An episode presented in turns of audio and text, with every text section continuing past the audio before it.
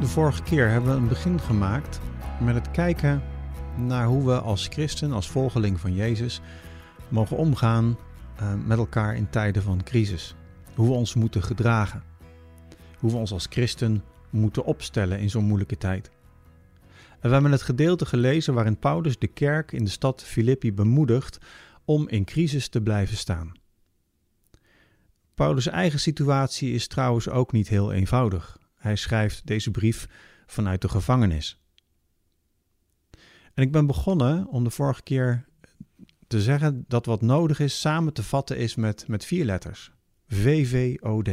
Dat is eigenlijk wat, wat Paulus laat terugkomen in die tekst in, uh, in Filippenzen 4. Vreugde, vriendelijkheid, onbezorgdheid en dankbaarheid. VVOD. Vier dingen die hij de kerk meegeeft. En in dit uur aandacht voor dat tweede woord, vriendelijkheid. Vers 5 zegt: Laat iedereen u kennen als vriendelijke mensen. De vorige keer hebben we nagedacht over dat eerste woord, vreugde. Vreugde in de Heer als het betonnen vloertje.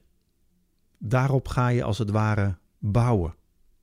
En daar bouw je op onder andere met vriendelijkheid. Nu, er zijn heel wat vertalingen voor dit woord gevonden. En als je al die vertalingen bij elkaar veegt, dan krijg je eigenlijk het gevoel, het goede gevoel er wel bij. Er wordt vertaald met grootmoedigheid, welwillendheid, mildheid, vriendelijkheid dus ook. En dat mooie Engelse woord magnanimity, groot van ziel zijn. De Griekse filosoof Aristoteles die zette dit Griekse woord recht tegenover de strikte gerechtigheid, de letter van de wet, maar ook een beetje de houding van je eigen recht ten koste van de ander halen. In het Nieuw Testament wordt het woord heel vaak samengebruikt met, met woorden als vredelievend, goed, puur, rijk in genade. Nu, en voordat je denkt dat Paulus dan alleen denkt aan een soort aangeleerde houding, hij schrijft in 2 Korinthe 10 vers 1 Um, wees zachtmoedig en vriendelijk, mild, zoals Christus. De mildheid van Christus. Het is geen vriendelijkheid die wij verzinnen, maar die een spiegel is van de Heer Jezus. En die vriendelijkheid moet aan alle mensen bekend zijn.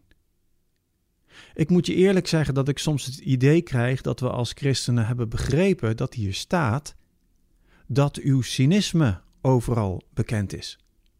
Of dat uw sterke overtuiging overal bekend is. Of dat uw publieke afkeuring overal bekend is en dat uw wantrouwen aan alle mensen doorgegeven wordt.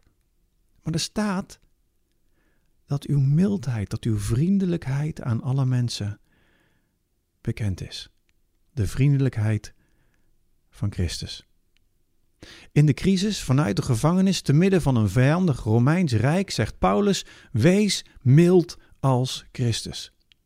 In een wereld vol bedreiging en onzekerheid, nieuwsberichten die over elkaar rollen, zegt hij: Wees vriendelijk. En als ik zie hoe Jezus zichzelf geeft, dan is die vriendelijkheid geen oppervlakkige glimlach voor een voorbijganger, maar is dat een diepe houding van mildheid, vreugde en vriendelijkheid.